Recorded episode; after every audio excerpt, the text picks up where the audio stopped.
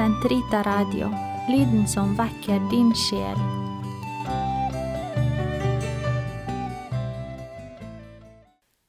Den katolske kirkes katekisme, uke 34, mandag 599 til 605.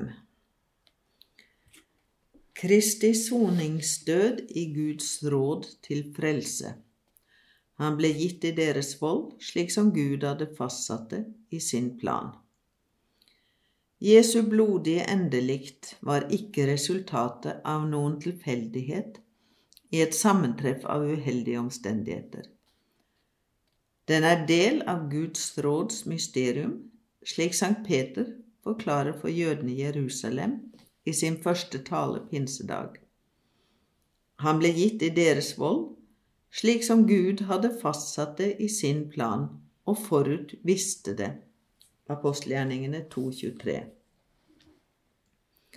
Denne bibelske måten å uttrykke seg på betyr ikke at de som ga Jesus i deres vold, bare var passive statister i en dreiebok Gud på forhånd hadde skrevet. For Gud er, hvert øyeblikk, er et hvert øyeblikk i tiden nærværende og aktuelt.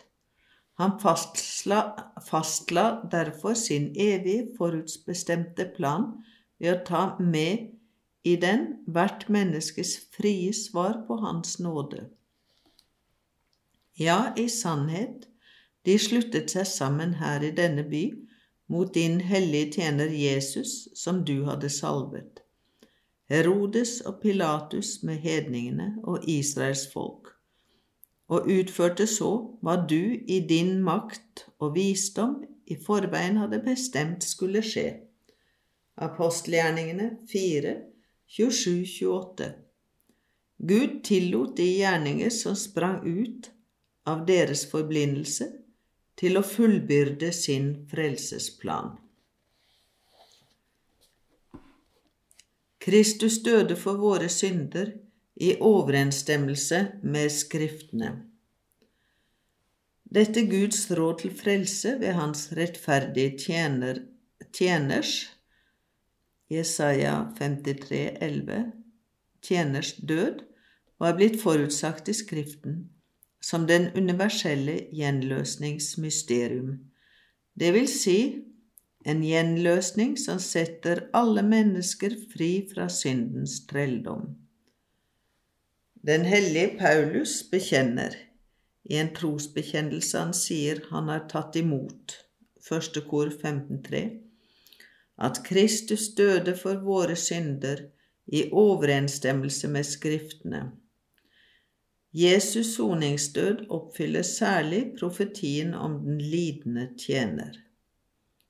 Jesus fremstilte meningen med sitt liv og død og sin død i lys av den lidende tjener. Etter oppstandelsen var det slik han tolket Skriftene for disiplene på vei til Emmaus, deretter for apostlene selv.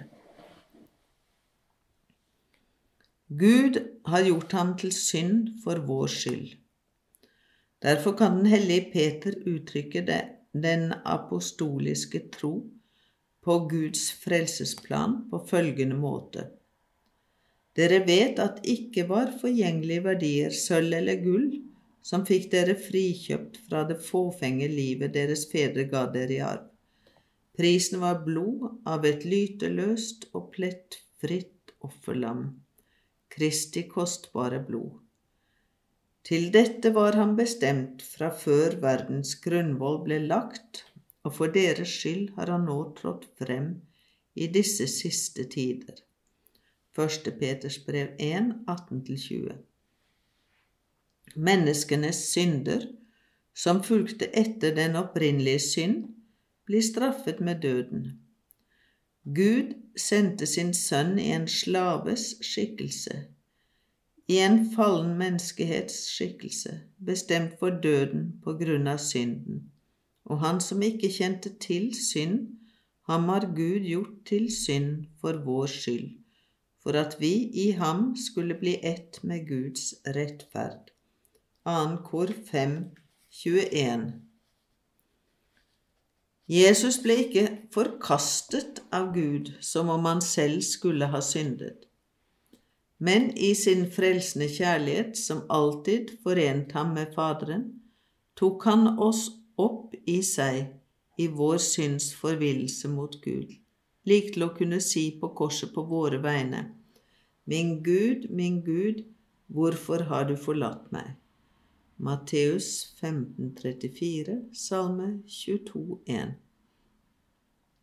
Etter slik å ha gitt ham lodd og del med oss syndere, sparte ikke Gud sin egen sønn, men prisga ham for oss alle, Romerne 8,32, slik at vi kunne bli forsonet med Gud ved Hans Sønns død, Romerne 5,10. Det er Gud som innleder den kjærlighet som frelser alle. Ved å overgi sin sønn for våre synder viser Gud at hans plan med oss springer ut av en kjærlighet som går forut for noen fortjeneste fra vår side. Kjærligheten er altså dette, ikke at vi elsket Gud, men at Han elsket oss og sendte sin sønn som sonoffer for våre synder. 1. Johannes brev 4,10. Men Kristus døde for oss mens vi ennå var syndere. Slik gir Gud oss beviset på sin kjærlighet. Romerne 5,8. Dette er en kjærlighet som ikke utelukker noen. Slik Jesus minner om i lignelsen om sauen som var mistet. På samme måte er det med den Far dere selv har i himlene. Heller ikke han vil se en eneste av sine små gå tapt. Matteus 18, 14. Han sier at han gir sitt liv som løsepenger for de mange. Matteus 20, 28. Dette siste begrepet innebærer ingen begrensning. Det stiller hele menneskeheten overfor Frelserens ene person, han som overgir seg for dens frelse. Etter apostlene lærer Kirken at Kristus døde for alle mennesker uten unntak. Det finnes ikke, det har aldri funnets, og det vil aldri komme til å finnes det mennesket Kristus ikke led for.